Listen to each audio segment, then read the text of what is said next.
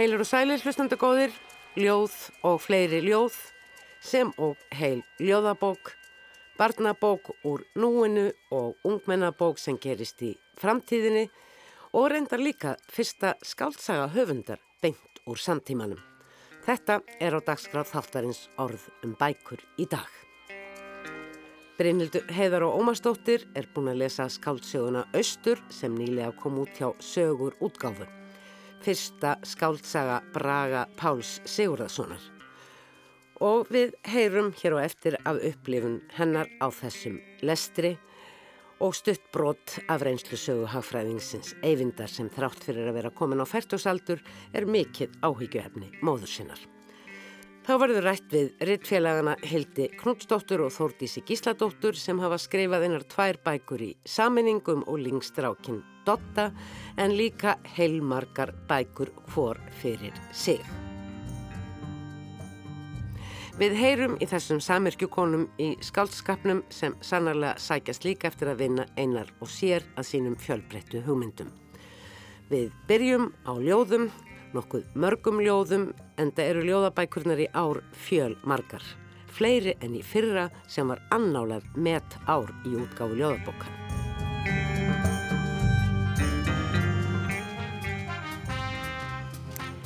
Það var nú kvorki sérlega kallni kvast á miðugdagskvöldi þegar einn áttaskáldar yngri kynsluð böðu í jólalegar piparkökur, mandarínur og ljóðalestur í þessari röð í Gröndalshúsi. Reyndar máttu nokkur skaldana bóða forföll vegna flensuskratta sem eitthvað hefur verið að gera sig heimann komin en eftir voru fimm skáld og byrjum við einfallega á byrjuninni og heyrum nokkur brot úr þessum upplæstri sem síðan að vanda á hlusta á í heilsinni á heimasíðu þáttarins rúf.is skástrygg orðum bækur í einu orði. Gott kvöld og gaman að sjá okkur. Velkomin að þetta ljóðakvöld. Ég heiti Þórtís og ég ætla að byrja. Ég ætla að lesa úr þessari bók sem kom út fyrir nokkur um vikum. Hún heitir Mislæg gatnamót og þetta er fymta ljóðabóki mín. Fyrsta, fyrsta ljóðabóki mín kom út fyrir nýju árum og uh, svo þess að milli hef ég líka skrifað yfirleitt annað en það er alltaf skemmtilegast að lesa ljóð fyrst mér og svona upplesturum á því að þeir sem eru að hlusta hafa áhuga. Ég ætla að byrja á því að lesa hérna annað ljóðið í bókinni og það heitir Árétting. Lífið er hvorki sangirnisvottað nýja svansmert. Ég hef engan rétt til að senda inn kvartanir, á ekki heimting á neinu og myndi svo sem afþakka skipti á kvundegi og draumum staði til bóða að velja. Ég halla mér ekki að spámunum. Tek heitan líkama fram yfir orð með hólan hljóm. Hef heyrt að góður hugsuðir séu vondir elskuðar sem er reyndar ekki algilt, það hef ég sann reynd og einnig spurst fyrir. Ég hef líka frétt að fyrirbyggjandi aðgerðir séu gagsleisar til lengri tíma og besta útgáðan á mér er ekki til. Góða kvöldi. Ég heiti Ragnhildur Harpa, Leifstóttir og ég ætla að lesa úr tveimir bókum en ég hef aldrei tekið þátt í jólabókaflóði áður en núna kem ég með tvær. en ég, það er þess að sveikaskaldabókin okkar uh, Nú sker ég neti mín og síðan mín fyrsta ljóðabók sem, að, já, sem ég er einn. Þetta er þriðja bókin okkar sveikaskvalda en þetta er mín fyrsta. Hún heitir Sítrónur og náttmyrkur. Já, ég ætla að byrja á, á endinum. Þetta ljóð fekkir mér líka viðkenningu í húsfreyjunni. Mér fannst það svolítið töf. Kanski ég skiljið okkur. Fæðing. Þess að nótt reys nýtt fjall í landslægi sem ég þekkti áður sem heima. Skilji? Ég, ég skildi þetta líka fyrst fyrir árið síðan. En förum hérna í uppafið. Marr. Ég geng með veggjum. Fötinn falla að drapplitum veggjum herbergjana, grári steipu og brúngulu vegfóðri stofunar. Þetta er stofa sem við þekkjum. Hún er hluti af sameilegu minni okkar allra. Loftið er þúnt, en það stendur lítill klukki opinn fyrir ofan ljósgræna plöntu. Ég stend með ofur viðkvæmt nýfengið jafnvægi. tói pils móðuminnar en fæturni vita ekki enn hvaða er að ganga. Við erum gestir og ég einbeiti mér að því að ná upp á sófaborð þegar það veldur um koll. Dingur heyrist áður en ég sé gólfið allsett glerbrótum. Núna er ég fullorðinn.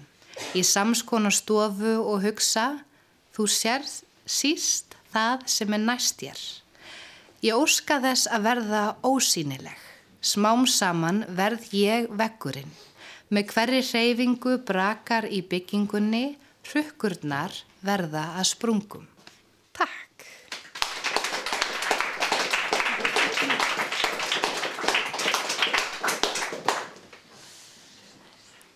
Næstur á svið er Þorvaldur Sigurbjörn Helgason.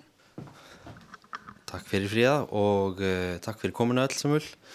Um, ég ætla að lesa úr þessari bók sem er ekki alveg nýja ennþá, hún kom út í februar en er að fá smá endurreysn aftur nú þegar loksis hafa byrst dómar um hana og ég ætla að lesa bara eitthvað upp úr henni 23. mars Uppristur skrokkur á skurðarborði umlugin drömlausum svefni Hjáttning Setna um nóttina fór ég í göngutúr niður af sjó Í fyrsta sinn í langan tíma leiði mér eins og ég hefði afrekað eitthvað Jafnvel þótt að eina sem ég hafði gert var að vera hreinskilinn.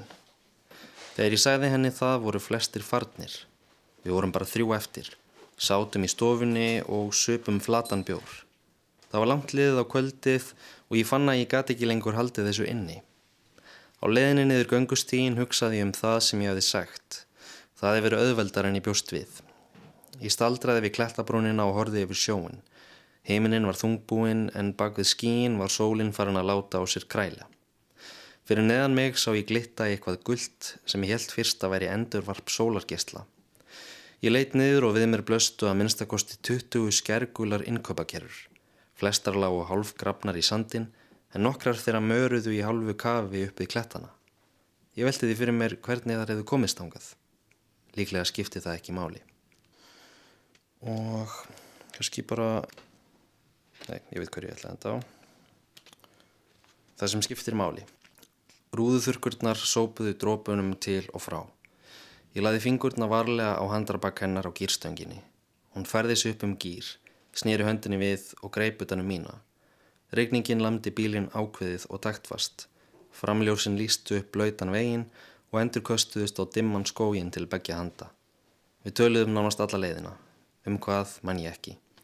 Ég man bara að þegar við kerðum fram hjá bensínstöðinni fyrir framann tjaldsvæði þögnuðum við. Ekki af nefni sérstakri ástæðu. En ég man að ég leiti átt á sjóppunni og sekundubróti áður en hún döyt hjá sá ég móta fyrir flögtandi ljósaperu fyrir ofan afgræsluborðið. Ég kreisti hönd hennar og leiti á veginn framöndan. Þetta var svona augnablik sem síðar hefði eflust öðlast einhvers konar tákgræna dýft. Eitthvað til að byggja á fyrir framhaldið. Hefði það orðið. Við kerðum út úr skóinum og inn í dalin. Áður en hún lefti mér út fyrir framann húsið, kistumst við. Ég man ekki hvað ég sæði við hana en ég man að hún kvekti loftljósið í bílnum áður en við kvöttumst. Ég stóð á tröppunum og horfið á eftir henni gera burt. Takk fyrir mig. Þá vil ég bjóða Melgorku Ólafsdóttur velkomna á svið. Góða kvöldið. Ég ætla að lesa nokkuð ljóð úr Hérna eru fjöllin blá sem að koma út hérna í november og byrja á ljóði sem heitir Sendingar. Vinkonu minni finnst að fjöllin, fjöllin og hann muni geta hana, kæfa hana, kæfa hana fyrst geta hana svo, svo hún breytir þeim í pappir, brýtur þau rólega í tvent og svo fenn. Ég hlakka alltaf til sendingana, opna brefin varlega, anda að mér uppþornuðum vonum, halla mér aftur í sunnudagsstól. Fjallægðin og marið er ekki lengur blátt, fjöllin eru blá, hérna eru fjöllin blá. Önd. Fetum þunnaröndina millir vatsins og loðinar ábreyðunar. Brjótum skæni millir orða. Þú gengur á undan, ofan koman ítrekar stilluna. Ég finn fjöður, andar sem við ekki þekkjum. Færið er hana, hún hefur slönguminstur. Blæðing. Við höfum vaðið stórfljótið í nára, sleft byrkistöfunum í ströymin. Ég strík sólina á vangaðínum. Ert að telja hárin, spyr þú, telja gráu hárin og það rennur raukt úr eirana á mér. En ég skil, sorgin hefur flætt gegn jökulvatnið, hingað komin löngu á undan okkur. Nálarnar þiðna í æðum okkar, framundan sólarglætur og eldgömmul jörð. Takk.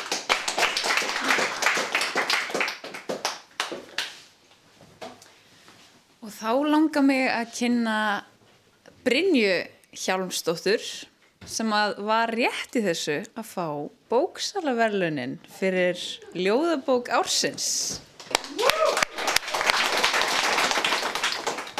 Takk fyrir vinir. Ég ætla að lesa nokkuð ljóð bókinu minni. Hún heitir Okfrumann og uh, Okfrumann uh, Okfruma er fyrsta frumann í, hérna, nýjum einstaklingi. Þegar barnið kemur út úr kviðnum halda frumurnar áfram að hrannast upp. Hætta því aldrei það þarf stöðugt að endur nýja. Æfi húðfrumu er 20 til 50 dagar. Eftir 20 til 50 daga deyr hún og verður að riki sem enginn losnar við sama hvað. Það er þurkað ofta af mynd af barni sem lifir að eilífu skorðað í ramman á nottborðinu hennar mömmu. Takk fyrir.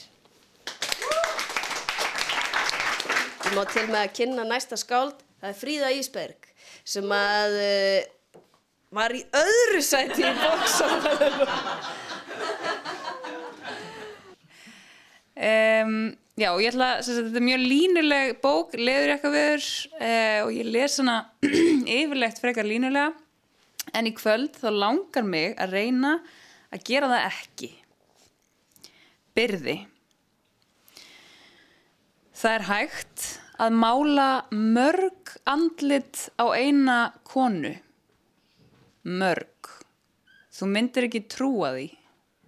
Þú getur skikt það sem þú vilt upplýst það sem þú vilt, lag ofan á lag, hiljari, meik, púður. Þú getur málað þig ómálaða og enginn mun fatta neitt.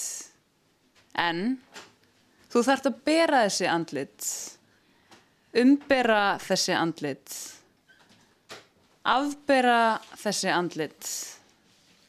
Stundum heitir þau Hallveig, stundum heitir þau Valdimar. Nýtt trúfélag. Ég hef gengið í nýjan söpnuð. Ég ætla að trúa á eldhúskróka, á hlustun, á auga brýr sem vindast upp fyrir háum möstrum nýra hugmynda. Fyrir hverja hugmynd ít ég einu er það úr vör. Þegar ég deg vil ég ekki kross við gröf mína, heldur eitt stórt spurningarmerki. Takk. Og að logum... Ástafannei Sigurðardóttir, gefur henni gott glaf.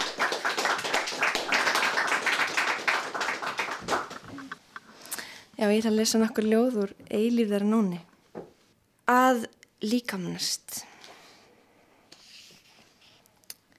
Við rætur ugnhárana er raukmold og mána nunnur. Þar sjúa tunglsnákarnir upp nætur í gegnum rör úr öðri mýkt úr helli í kviðnum í holdklettum. Þar býr morgun slökkvistráana, fylltur sinudögg. Gleipir sekundur niður talningi fótsporum, svif dansar blikukráka gegnum dimglirnu, getur jörð, gerir kingi gang fyrir mjúka á. Leðnúmer U, áfangastaður, upp, gjöf.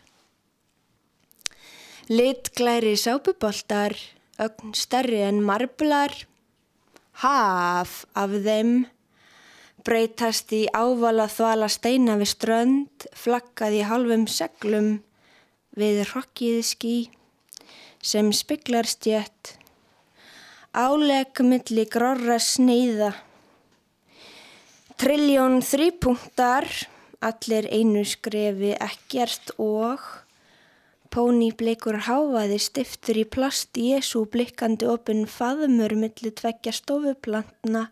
Þarna felur hann sig mamma inn í lit glerinu sem brotnaði og þau limdu það saman svo það myndaði kross eins og fánin, eins og allir hinnir fánarnir líka sem eru nálagt hann hjakk þarna, allir ætti að vita sko naglar í gegnum lófana og blóð og blóð og blóð. Þess vegna er allt jólaskrautið raut og stundum grænt ha en það er örugla út af einhverju öðru kannski er líka grænt blóð. Föl grænar sessur á bekk þar sem allir horfa fram og gleipa þögnina, eini staðurinn á landinu, þar sem ekki er í gangi óþölandi útvarp, eini staðurinn á landinu þar sem þú kvíslar kannski bara þar og á bókasafninu. Hóð, hús fyrir anda. Takk fyrir mig.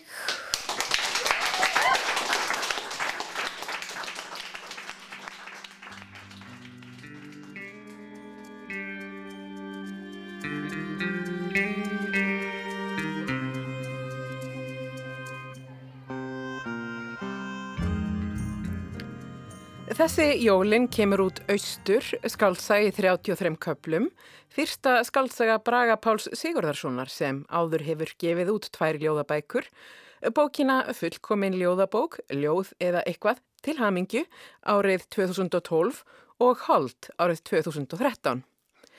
Í þessari skaldsugu segir frá ævintýrum og harmkvælum Eyvindar Guðnýjarssonar, þippins hagfræðings á fertugsaldri sem missir vinnuna, missir íbúðana sína, missir ástina, missir aukakílóin og missir, tja, ég veit það ekki, siðminninguna, vitið, lífið eða hvað.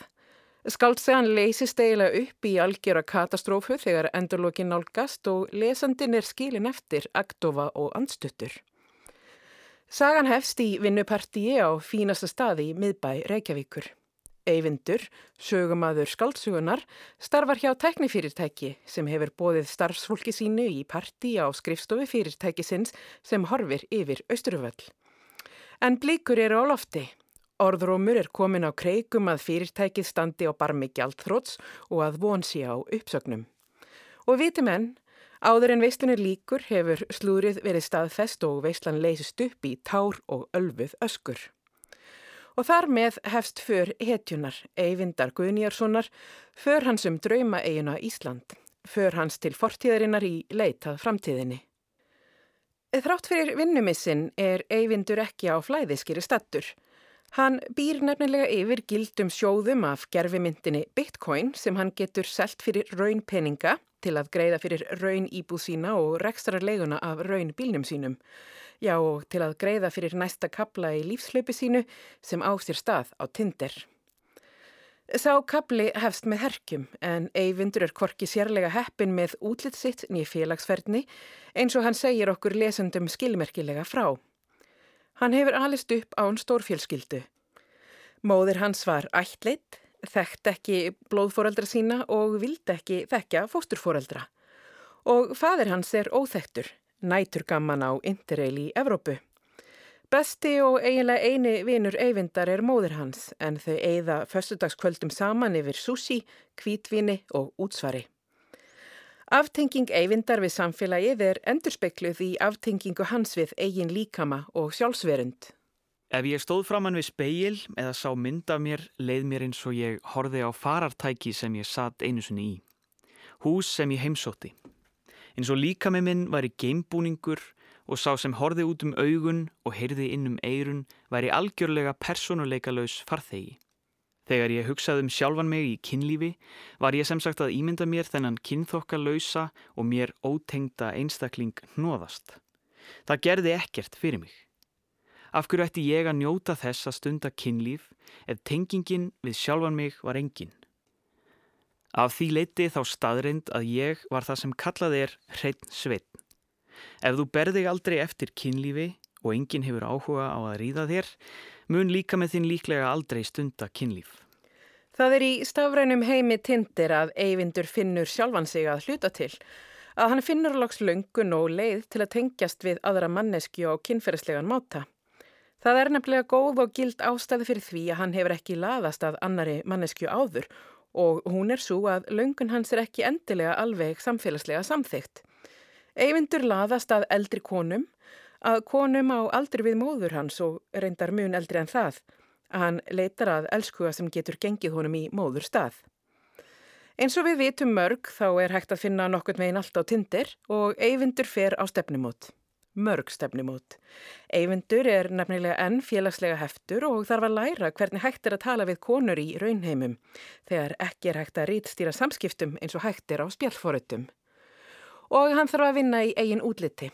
Hann finnur sér nýja hárkvæslistofu til að fá flotta klippingu og eignast það reyndar nýjan vinn, klippara sem gefur honum miskóður áðum hvernig hægt er að skemta dömum á stefnumótum og Eyvindur finnur loksins ástina, Edith, flugfri og eftirlaunum, fallega og skemmtilega konu á sjötöksaldri.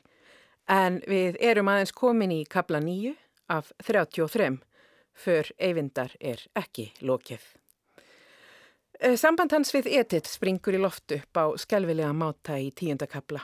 Eyvindur ælir og lesandi eiginlega dáliti líka yfir þeim sofoklesiska harmleik sem þar afhjúpast og áður en við vitum af er Eyvindur búin að missa íbúðuna og bílin og auðæfin og hefur flúið til Mosulsbæjar á gisteheimilið Áslák þar sem hann drekkur bjór, hlustar á trúbodóra, grætur og reynir ekki að hugsa um framtíðina.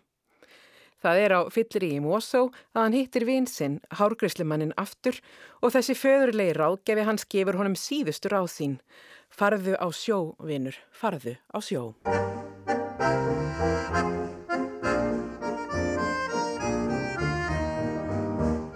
Sjómannslíf, sjómannslíf, draumunni stjálfa manns, blikandi báru fanns, býður í drittandans. Sjómannslíf, sjómannslíf, ástir og æventýr, vögnuð í fanni býr, brimhjóð að vera. Shit. Þetta eru þetta síkilt minni í íslenskri menningu að þegar öll vonu virðist vera úti geta djarfir menn, karlmennlegir kappar alltaf rettað sér með sjómennskunni. En Eyvindri er auðvitað korki karlmennlegur nýja kappi. Hann mætur um borði í skipið í glanskónum sínum en ekki til að stíga djarfan dans heldur til að vinna þrælkunarvinnu umkringtur djörfum köppum sem hrella hann óurlega og skjelvilega og hræðilega. Og já, það var hérna sem þessi lesandi prísaði sig sæla að búa í borginni og þurfa ekki að lifa sjómanns lífi. Skálsæga Braga Páls afhjúpar nefnilega og afbyggir íslensku romantíkina. Sögumæður leiðir lesanda á för til íslenskrar fortíðar á ferðalagum íslensk romantísk minni. Þagan hefst á 21. öldinni í miðbæri Reykjavíkur í heimi með skjallsýmum og gerfimyndum og leikúsum og samfélagsmiðlum. Sögumæður röklast úr þessum heimi, er gerður brottreikur og ferðast til fortíðarinnar. 50 ár aftur í tíman til gullaldar síldarinnar, tógaraveiðinnar, til sjómannslífsins góða sem er svo ekki gott eins og kemur í ljósi í skaldsugunni. Og hvar endar söguhetjan þá? Nú, þegar 20. öldin reynist engin svör geta veitt við lífskrísu söguhetju, þá er ekki mannað að ræða en að leita enn lengra aftur í tíman. Ég bý í sveit, á söðfjö á beit og sannlegar kýr út á túni. Sumar sól heit, sem vermir nú reit, en samt má ég bíl eftir frunni. Eyvindur les auglýsingu í bændablaðinu þar sem bondi og afskektu bíli á Austurlandi auglýsir eftir vinnumanni. Nú ákvaði ég að mæta betur undirbúin en á sjóin. Skyndilega var ég mættur í rauðakrossin með nokkra bjóra í vasanum, búin að velja mér gríðarstórar gallasmekkbuksur, ullarsokka, köplótta skirtu, sixpensara og aðeins og stóra timbulandskó. Núna yrði ég eins og alvöru atvinnumadur. Ég mátaði allt dressið í búðinni. Eldri og lúmst falleg afgreiðslukona spurði hvort ég var að fara að leika bónda í þjóðleikúsinu. Ég sagðist nú bara að vera að fara í sveit, en spurði hvort hún var að fara að leika mjög fallega konu í borgarleikúsinu kannski. Hvort sem hún áttaði sig þá á því hversu drukkin ég var eða fannst ég einfallega með óþægilega nærveru, bað hún mig vinsanlegast að fara. Áðurinn ég borgaði greip ég bókina Íslenska þjóðhætti eftir séra Jónas Jónasson sem lá efst í bókabunga við afgreysluborðið. Eftir að hafa greitt fyrir allt reyndi ég að kissa afgreyslukonuna á höndina en hún kiftinni að sér svo ég kvattana í staðin með nokkrum fingurkossum. Sögumæður og lesendur eru stattir í Sveitarómansunni. Eyvindur finnir fyrir spenningi. Þetta er ný byrjun á nýjum stað, hugsanar með sér. Tími til að reynsa hugan og fortíðina með líkamlegri vinnu. Tími til að fara á íslenska kúrin og missa nokkur kíló. Til að komast í tengsli landið og fá frí frá óvelkomnum hugsunum og myrkri. Þetta getur ekki annað farið en vel, hugsaður með sér. Eyvindur hefur þegar allt kemur til alls séð dalalíf, ágætis mynd eða hvað. Síðustu kaplar þessarar trilltu skaldsugu gerast í afskektum dali í óbyggðum Östurlands. Á bænum býr Kolka, bondin, Magnús eiginmaður hennar, þunglindur maður sem elskar Davíð Ottsson og Landa, vinnukonan Tína, gild og hungruð og heimasætin á bænum, hinn föla unglingstúlka Emma sem aldrei stýgur fæti úr herbergi sínu. Já og á bænum búa einnig 20 kindur sem eyfundur á að sjá um. En kemur í ljós að hvorki dalalíf nýja íslenskir þjóðhættir geta aðstofað eyvind við að finna sjálfan sig í sveitinni. Þegar Kolka yfirgefur bæin með unglingsdóttur sína skilur hún eyvind eftir í aðstæðum sem fljótt breytast í söguþráð bandarískrar hryllingsmyndar. Áður en yfir líkur er eyvindur flúin og hverki skjólsús að fá nema rústir gamla torfbæjarins sem skilt hafði ábúendum dalsins í aldanar ás. Sakka og fúkaliktinn var töluverð en á endanum tókst mér að opna gluggan til að lofta þess út. Geislar kvöldsólarinnar lístu upp hægsvífandi agnirnar í loftinu. Kongulóar vefir á stökustað. Á einum vegnum hafði viðarklæðningin fallið af og þar skein í beran torfvegin. Grjót og mold og grjót og mold og mold og mold og mold. Tákgrætt byggingarmáti fyrir fátækt fólk sem átti ekkert nema rollur, grjót og mold í rúm þúsund ár.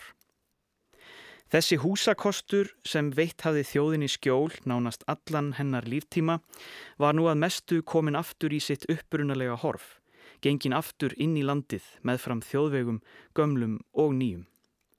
Hrúur þar sem áður stóðu stolt óðul, kynnslóð fram af kynnslóð. Stórþjóðir Evrópu byggðu ofan á og í kringum söguna sína í borgum og kastölum. Við yfirgáum okkar sögu og fórum í bíó og fengum okkur tyggjó og snerum aldrei aftur. Ef þetta heldi svona áfram gæti hann endað á að kjósa framsóknarflokkin, hugsar Eyvindur með sér. En lesandi hugsar dýpri hugsanir, því för Eyvindar aftur í tíman, för hans í leitað sjálfum sér hefur svo sannarlega sínt okkur að ákverðin formaður okkar og feðra var svo eina rétta. Til hvers að hampa sögunni þegar við getum farið í bíó og fengið okkur tyggjó. Það er fásinna að snúa aftur til fortíðar fræðar þegar fræðin var aðeins tálsinn, að snúa aftur í heim sem byggðist á grjóti og mold og grjóti og mold og mold og mold. Fjöllin færðust nær mér. Það var eins og dalurinn var að þrengjast, minga, breytast í víðfeðmann klefa. Túnin sem virtust vera endalaus við komuna hingað reyndust við nánari aðtugun bara tvær spildur eins og tveir litlir fótboltavellir. Restinn þúfur og melar sem hafðu kannski einhverju sinni verið blómleg tún umkringt skurðum. Nú gagslust land. Austur skaldsa í 33 köplum eftir Braga Pál Sigurðarsson er glettilega fyndin, skörp og skelvileg skaldsaga sem segir frá harmkvælum Eyvindar Guðnýjarssonar, íslenskrar hetju sem röklast frá borg til sjós til sveitar og tekur lesanda með sér í þá glanna för.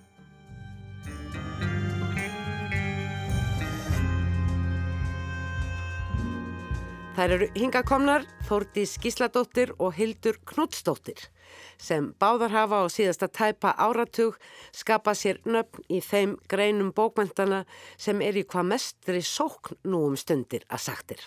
Þórdís er margverlunuð bæðið fyrir barnabækur sínar og ljóðabækur og sendir þessi jólinn frá sér hvortvekja, ljóðabókina Mislæð Gatnamót og barnabókina Randalín Mundi og Lindarmálið.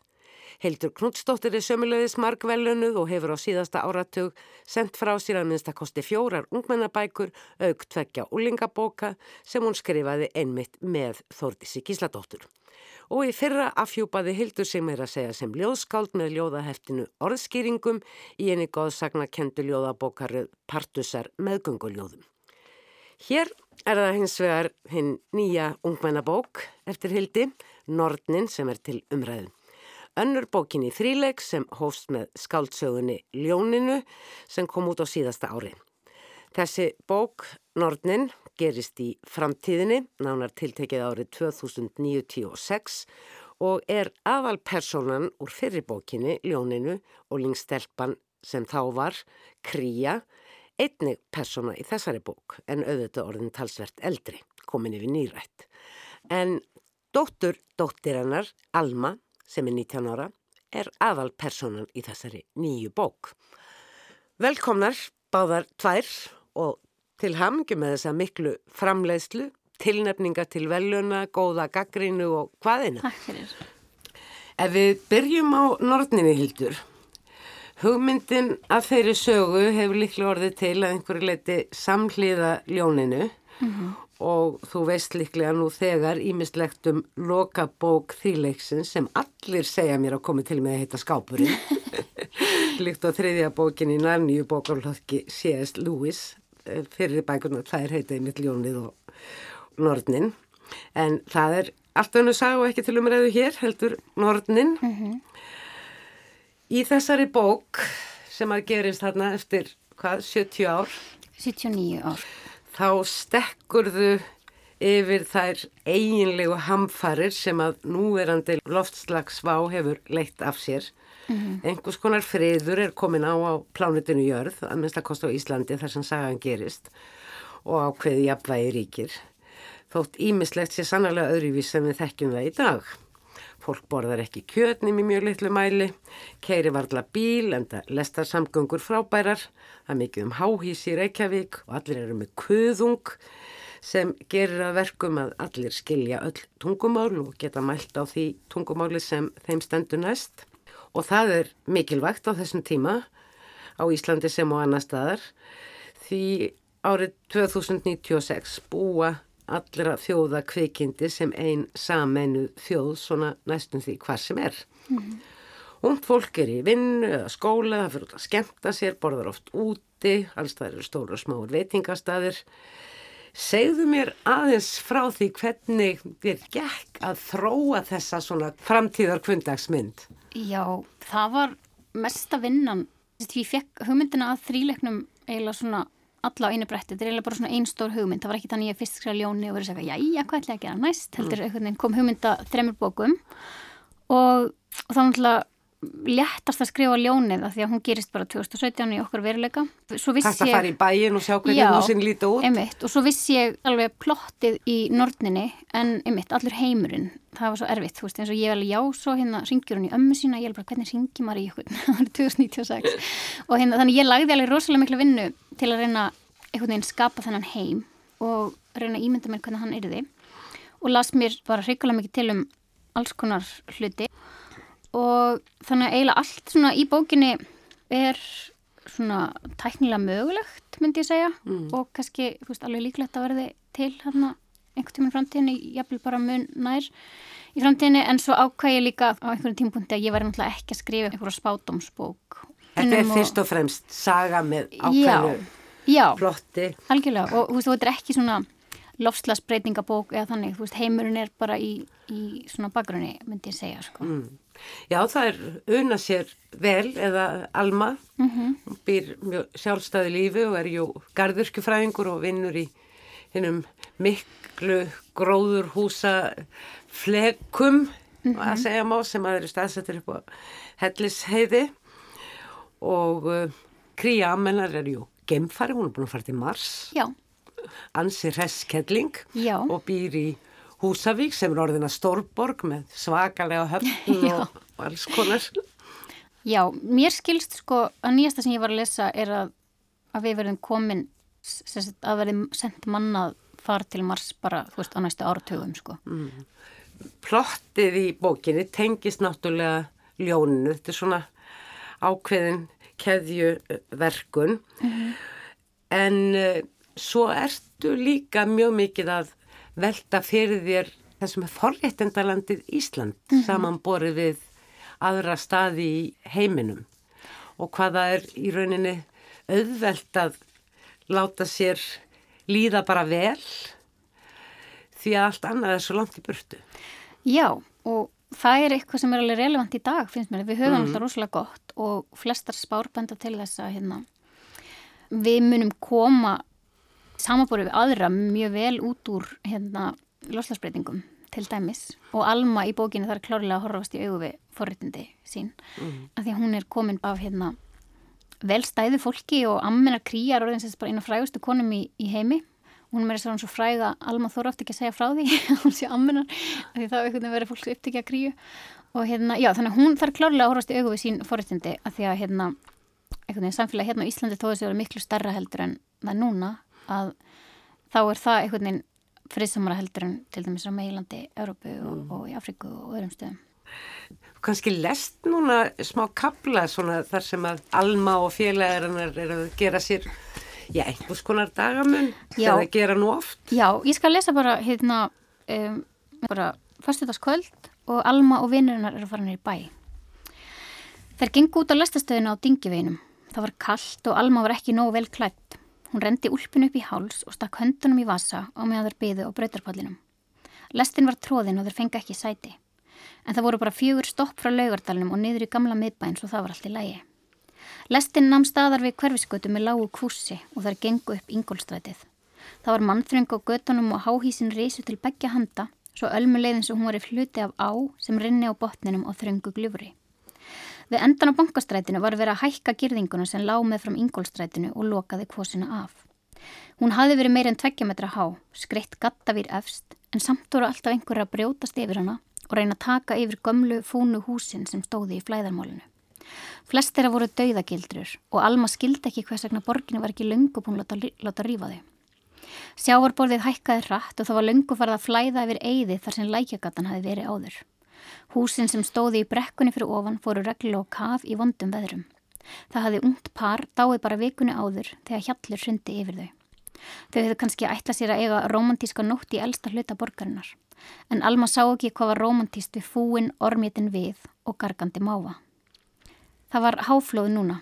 Sjáaborðið náði langlegana upp að grunni gamla mentaskólans, húsinu sem hafi verið flutt upp að árbæðisafn þegar gamli varnagarðurinn brast. Í kringum sári á skólalóðinu stóðu önnur gömul hús sem einhver hafi greinilega ákveðið að væru ekki nógu verðmætt til að tæki því að bjarga þeim.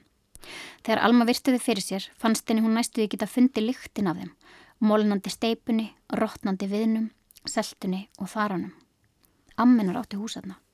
Alma hafði einhver tíman spurt hana hvers vegna en ammenar hafði bara hrist höfiði og sagt hvers vegna ekki, eins og það var einhvers konar svar. Kanski hafði hjallurinn eitthvað tilfinningalegt gildi fyrir hana. Það var eina skýringin sem Ölmu kom í hug. En hún var líka ósennileg.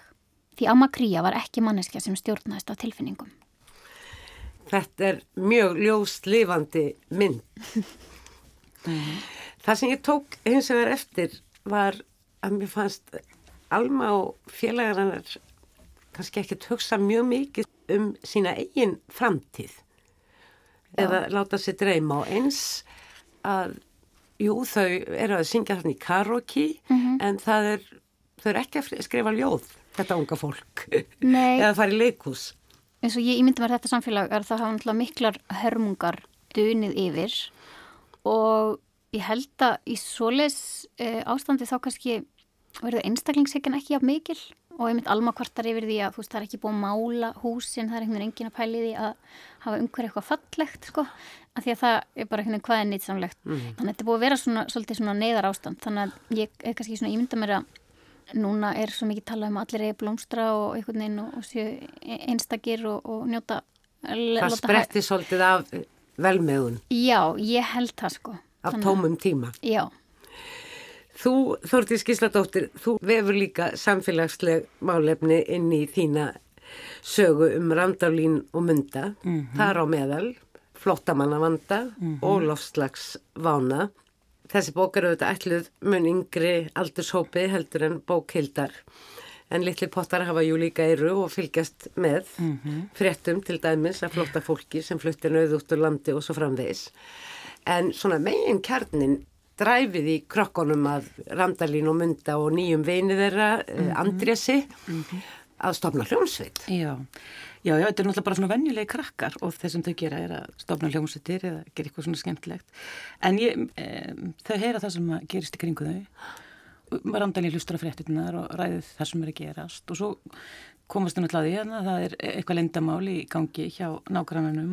Mjög fúlum nákvæmlega. Mjög fúlum nágranna og svo þau finnst hann rosalega vondurulegilegur en svo kemur í ljós að hann hefur kannski sínar ástæði fyrir því að fólk, fólk er ekki endilega vond þó að hérna sé svolítið fúlt og perað. Það Mm. hefur, hefur kannski góður ástæði til þess. Hvernig sapna svona hugmynd í nýja Randalín og Mundi bók? Sko þessi reyndar er e, svona doldið hliðsta leikriti sem var hérna á Rúf í fyrra fyrir jólinn. Grunnhugmyndin er úr leikritinu en síðan náttúrulega hef ég svo sem unni þetta upp og breytt og, og allt það. En já, hvernig fær maður svona hugmyndir? Ég fær eru svona- hugmyndir oft bara, ég siti einhvers staðar í flugvel í 2-3 tíma og með lokaðu og hugsa hvað, mm. eitthvað svona, þá kemur eitthvað svona. Því þegar þú skrifaðir fyrstu Randalín og Mundi bókina, sem hétt bara Randalín og Mundi, þá varstu að ég held ekkert að pæla í að þetta eru marga, marga, marga Nei, bækur. nei, alls ekki sko. Er líka... eru eru Þetta er fimm- bókin. Þetta er fjórða. Já. En ég meina, mann er þetta bara ímislegt í hug og svo byrja maður að skrifa og stundum verður eitthvað úr því og stundum verða hugmyndirna svona, þú veist, vindu upp á sig. En ég er samt svolítið þannig að ég er svona búin að hugsa, búin að hugsa hvað ég ætla að gera Já. þegar ég... Þetta er eh, þægilegt form, auðvelt að hafa yfirsýn yfir það. svona nú nútíminn er þarna en ég reyna að hafa þetta svolítið svona þjættan ramma og svona fólk kannski sem er, ég meina Randalín og mjög svona óforskama barn en kannski alveg sympatísk samt og svona venjulega krakka líka. En svo ertu líka nýbúin að senda frá þér nýja ljóðabók, Þordís, mm Mhm. Mislæg Gatnamót og þetta er fymta ljóðabókin Já. Á innan við tíu árum Já, einmitt á nýja árum. og velaunuð fyrir sumar og tilnæmt fyrir bara næstu því allar. Já, ég, kannski ekki en, Einhverjar. já, sannlega. Já, já. Þessi bók, Mislæg Gatnamót, rosalega skemmtilegu titill og gæti passað við í rauninni kannski allar uh, bækurna þínar þetta. Mm. Þú ert svolítið að skoða einmitt svona mislægi. Já, mislega gatnamót eru svolítið svona, já, svo erfitt með þau því að ef maður er að fara í vestubæin þá er maður að beigja í austur. Mér finnst það bara svo erfitt, þannig ég lendir stundum í einhverju, einhverju vittlisum. Mér finnst þú að mörguleiti skeraði úr ljóðabókasenunni sem að hefur nú vaksið alveg gríðarlega, stöðugur vöxtur, reyndar ekki bara í ljóðabókum, heldur líka í barna og ungmennabókum. En þú ert að eh, minna okkur á svona ímislegt í hennu hverstaslega samhengi. Suma af því eh, það er íþalmund að gleymast og öðru af því það er meira í því heldur en mann kannski grönar og svo ertu mjög gefin fyrir lista. Já, það er nú bara sérstaklega þessari bók. Já. Ég er mjög mikið fyrir að skrifa lista. Mér finnst það mikilvægt, en sko, Hvernig verða ekki. þessar bækur til? Maður hefur Þessi- Þessi... tilfinning, tilfinningur að þú eigir svona sérstakka skjóðu, kompu, möppu í tölvunni Já, upp í tölvunni, sko. Er... sem að eh, þegar eitthvað verður á veginum, já, þetta þarf að skoða betur. Sko, þetta gerist nýju skorpum, en þetta er í ár, tvö hálft ár kannski, síðan ég skrifaði fyrstu textan í þessari bók. Um síðasta ljóðböngi minn kom 2016, þannig að það eru liðin þrjú ár og þetta er svona búið að, já, vera svona sapnast og svo svona, ég tek smá skorpur, svona milli annara verka ég er ekki að þýða eða skrifa eitthvað annað eða eitthvað svo leis. Eða mér dættu bara eitthvað í hug, eh, svona kannski snemma mótnana eða senda kvöldin og, og skrifa eitthvað. Og svo kem ég alltaf svona aðeins sem textum aftur, vinn aðeins með þá og kannski hendi einhverju og svo, svona sapnast þetta einhvern veginn upp, svo skrifa ég kannski þrjárfra línur og geimi þær og svo kannski næst tekið maður þá bætist eitthvað við og núna bara í höst þegar ég, mér fannst ég verið svona að koma með handrið, þá fór ég að lesa aftur yfir og hendi einhverju svona einu eða tveimur og eins og gengur og, og svona fór aðeins að fykta í þessu, þannig gerist þetta. Má ég byrja um að lesa eitt svolítið nöturlegt ljóð, þau eru nú sum reyndar, þó þau séu fyndin að þá eru þau mörg hver daldi nöturleg. Já. Mér langar að þú lesir ljóðið Jólaskraut. Já, Jólaskraut. Agnes Laufey hefur prófað morfín, mænudeyfingu, próbofól og gladloft og langar núna í þetta allt í staðin fyrir að taka niður jólaskraut, pakka því niður í kassa og setja þau upp á háaloft. Hanna langar til að henda trén út í skapl með öllu glingrinu eða hreinlega kveiki í húsinu. Hún liggur í rúminu um miðjan dag og hugsaður um að það sem haldi fjölskyldinni saman fyrir utan húsnaðislánið og hundin sé allt jólaskrautið. Var þetta orðið í janúar? Uh, ég held þetta hafi verið orðið í janúar 2018. Mér grunar það allavega. Mm.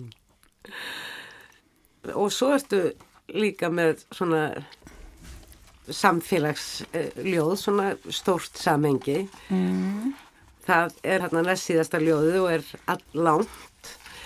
Þar koma einmitt fyrir hinn mislægu gatnamót. Ég ætla nú ekki að byrja um að lesa það allt, en kannski bara upphafið. Já, næst síðasta ljóðið. Nú var ekki verra ef allt endaði vel að niðurstöða fengist í málinn, við farum öll sátt frá borði. Opnum flösku, hellum í þung kristalsglös, til dæmis Bernadotte frá Viluröga bók, skál fyrir framtíðinni. Framtíðinni þegar við verðum ekki til lengur, þegar kakkalakkar, gammar og grápötur hafa tekið yfir á samt gróðri sem þrýst við breyttar aðstæður og engin sála hefur áhyggjur á málnótkun, tollabandalögum, mannanafnalögjöf, drikkjusviðum, heilsufari og fæðuvóli eða ringingu kirkuklukna sem eiga vekja aðtikli á eitulífi vandanum. Engin spyr lengur flókina spurninga. Til dæmis hversuna skjólsælir staðurborgarinnar að það sem sjáum á bleik sólarlög séu nýttir undir bílastæði og bensinstöðvar. Öll herbyggin sem sögð og ósögð orðaka fyltu, barernir og bílarnir verða grómteknir klefar eða gruggug fiskabúr. Mislegu gatnamótin sem likjast um dali og raun, mósavaksinn, skreitt bergfléttu, bjarnarkló og skóartoppi. Hvergi skröldur í ferðartösku sem dreginir í flugstöð eða eftir hótelgangi. En látum það ekki á okkur fá, hellum glösin hálfull, skál, fyrir skipbrótsmönnum tilverunar sem ósjaldan taka sig á í lífinu gerast jafnvel liðsögumenn. Hugsum ekki um brotætt háteknisamfélag sem gerur okkur háþekkingu sérfræðinga. Gleimum öllu þar til í fyrramálið þegar glösin eru tæmt og nýr dagur ís. Þá skulum við reyna að skilja hvernig útvarpið virkar, hvernig smíðam á geimskutlu, hvernig breytam á sandi í gler, en bara á morgun. Hver er þinn uppáhaldslisti í þessari bók? Uh, upp, já, þú segir nokkuð. Mm, Ég veit alveg hver er minn uppáhaldslisti. Já, alltaf sé ekki hérna þessi sem heitir til umhugsunar og svo er hérna það sem algengar ránkomind, er það kannski, já. Svo reynda finnst mér gaman að hérna þessum ljúfsára listanum. Já, hann er mjög falliður. Lát heyra. Ljúfsárt. Miðnætti um áramót, skólakrakkara husti, ljóð eftir Girði Eliasson, sambund fóreldra og barna, að vera þræll tilfinninga sinna, skáldsögur eftir Girði Eliasson, samband King Kong og Ann Darrow, Suspicious Minds í flutningi Elvis Presley, ferð gamals Vestmanneings á æskuslóðir, Johnny Depp að leika í myndum utangarsfólk, fréttum kettlinga sem komast í hann krappan en lögreglan bjargar öllum nema einum. Það hefur, hafa ekki áður verið myndir í bókunum? Jújú, jú, það hefur verið. Það var í hérna, tilfinningarökum sem er svona, sem er svona ljóða, ljóða bálkar. Þar var, voru myndir frá hlemmi sem er ekki eins og hlemmi núna því það var, var svona strætóljóð og í óvissustíði voru nokkra myndir sem eru svona daldi svipaðar og þessar. Og þessar eru úr? Þetta er allt úr einhverjum svona gamlum svona handritum. Þetta eru annarkort úr gamlum svona anatómibókum eða gamlum svona kjenslubókum í grasafræði eitthvað slúst. Einhver anatómia. Þú ert að krefja? Já, daldið og hjartaðna á myndinni. Mér fannst það einmitt vera svolítið eins og mislega gatnamót. Er allt öðruvísi að því nú eru skrifað svona ál, álíka margar barna og mm. ólingabækur og ljóðabókina. Er þetta allt aðra stellingar? Nei, það eru sumleiti floknar að náttúrulega skrifa fyrir börna því maður þarf að hugsa um fyrir hvernig er ég að skrifa, hvað get ég lagt á lesandan maður þetta er bók sem ég gerir fyrir að börn frá 5-10 ára kannski sélis og maður, þá þarf maður að svona vera í einhverjum svona, já, maður þarf að hugsa, hugsa þetta þannig, en ég reyna að hugsa samt ekki ómikið um það, en, en það, það er svona leggum manni ákveðna skildur og herðar að, að útskýra sem hluti og hafa svona hæfur, einhvern balans í textanum og krakka vilja hafa hluti fyndna og svona. Mm. mér finnst bæði því að skrifa skáltsu sem kom í fyrra og svona þegar mér skrifa ljóð þá þú veist, lesandin verður bara eigað við sig hvað Hvernig, hvernig, hvernig hann tekur á, hvernig hann tekur á móti þessu. Já, það er svolítið þannig svona en svona aðeins floknar kannski að skrifa fyrir börn Þú hefur sagt Hildur að þú skrifir bara sögur sem þér finnist gaman að segja mm -hmm. og getur jáfnvel hugsaðir að lesa sjálf og hugsir í rauninni ekki mikið um lesandan kannski þessna sem þú hefur svona uh, farið í ungmærið svona þetta við þröskur til full orðnar lesanda. Allavega bækundum sem ég hef skrifað einn sko, hef ég ekki þurra pæli aldrei lesanda í rauninni sko. En svo eins og þegar ég var að skrifa með Þórtísi eins og Dottabækunar, hérna það voru við alveg búin að sjá fyrir okkur fyrir hvernig við varum að skrifa og svona kannski pínu markkópin að því okkur fannst að vera bara vöndin á svona bókum fyrir mm. þennan aldur til dæmis. En bækunar sem ég er að skrifa sjálf, þá, nei, þá er ég ekki mikið að pæli því. Mm. Svo er þú til dæmis reytstjórum minn er alveg að pæli því. Nortnin er kannski svo litið erfitt að staðsetja varðandi markkóp því Já. að uh, oft verður markhópurinn svona, svona svipuður rekið að ívið yngri heldur en svona aðal söguhetjan mm -hmm. í bókum fyrir börn og ólinga. En hér er söguhetjan 19 ára, eiginlega fullorðin. Ég hef sundum hugsað sko ef hún væri ekki framhald að ljóninu þá væri þetta kannski bara fullorðinsbók sko. Hún er allavega kannski svona svolítið stærri atbyrðir í nortninni, myndi ég segja. Mm. þó þetta sé alveg dramatíst og svona í ljóninu þá er kannski meira svona okkur svona persónlegu Einmitt og það er minni heimur minni heimur. Hér er all plánetan og jafnvel Já. geimurinn líka Einmitt, og svo eru þarna albyrðir sem að Alma flækist í sem að eru bara gætu orðið bara mjög alvarlegir sko. Hún hefðu þurft að taka ákverðin ef örlegin hefði ekki tekið í hendur Ég á alltaf svo rosa erfitt með þetta, hérna, hvað er ungmennabók og eulingabók og hvað ekki og, og þá má alveg lesa þessa bók bæði sem fullansbók og ungmennabók og enda eru, lesendur mínir eru á öllum aldrei, sko. Mm. Hvað finnst ykkur mikilvægast í sambandi við barna og ungmennabækur? Sko, mér finnst bara mikilvægast að það sé kannski fjölbreytni í bókum, að því að síu leinlörglu sögur, raunsæði sögur, fantasi því krakkar eru alls konar þau eru ólík og sum, þau eru mjög svona misduglega að lesa. Þeir sem að eh, lesa lítið og finnst það erfitt þau þurfa bara að fá eitthvað við sitt hæfi sem að þau komast í gegnum. Svo er náttúrulega aðri sem að bara sökka sér onni einhverja dóðranda og þetta eru líka eitthvað fyrir sig já. Já. og bara já, sumleik vilja hafa mjög mikið að myndum og öðrum með sama. Þarf bara mjög fjölbreytt. Sumir eru eitthvað, já, alla barnabækur verða að vera veist, svona hins mm. við þurfum bara alls konar, mér finnst það að vera svarri að því að krakkar eru alls konar og, og hérna, alveg eins og þú veist, það er ekki bara til einn tegund af fullunusbókum og það var eins og til dæmis það sem við vorum að hugsa með Dotta að það er búin að vera rosa fantasíubilgja uh, síðustu árin og einhvern veginn okkur fannst vant eitthvað fyrir krakka sem kannski nefndi ekki að lesa fantasíur og vildi stuttar bækur. Og þetta er svo ég gera einmitt allt annað í bókunum mínum sko sem ég er að skrifa sjálf sko. Þannig að það þarf bara áfram alls konar sko. Og svo þurfa líka bara eins og sko, bækur sem eru lesnar fyrir krakka mm. veist, það, það er alltaf að bönn skilja ekki allt í bókinu en það þarf að vera eitthvað sem að lætur mann, ég menn ég stundum að lesa upp átt fyrir barn og það þarf að vera eitthvað sem skemmtir mér eða mér finnst áhugavert og krakkar eru, litli krakkar er ekkit endilega jafn kröfuharður og ofta það er að halda fram. Þeim finnst bara gaman að láta að lesa fyrir stundum eitthvað. Og maður veit að bara barnabækur sem eru að hafa að lifa, ég meina bara eins og Lísi Undralandi eða Múmin Alvarnir eitthvað svo leiði sko, þetta er svona sem að allir hafa svona, finna eitthvað í þessu, mm. þó að maður sjá eitthvað annað út úr sem eru 6 ára en þegar maður er mm. 60 sko. Mm. Barnabækunar þurfa að hafa miklu kannski víðari skýrskótun heldur en fullóðinsbækunar getur meira að skrifa bara beint frá þér og annarkort annarkort tekur fólk þessu eða ekki eða? já Já, þú getur náttúrulega veld miklu meira ábyrð yfir á lesandan, bara eitthvað, já, þau náðu þess ekki einhvern veginn, það kannski gerir ekki við, mm. við krakka, sko. Herðu, gleiðilega næstu vikur, er meira að gera með barnabækurnar heldur en ljó, ljóðabókina til dæmis? Nei, það er Fólkis. ekki þannig, það er meira að gera með ljóðabókina. Hjá mér, allavega enn sem komið er. Ég þakka ykkur innlega fyrir komina og eins og áður sagði, hjertanlega til hamingu með þennan hlaða. Þetta eru nokkru sentimetrar. Takk fyrir. Takk. Fleiri verða orðum bækur ekki að þessu sinni. Takk fyrir að hlusta. Verði sæl.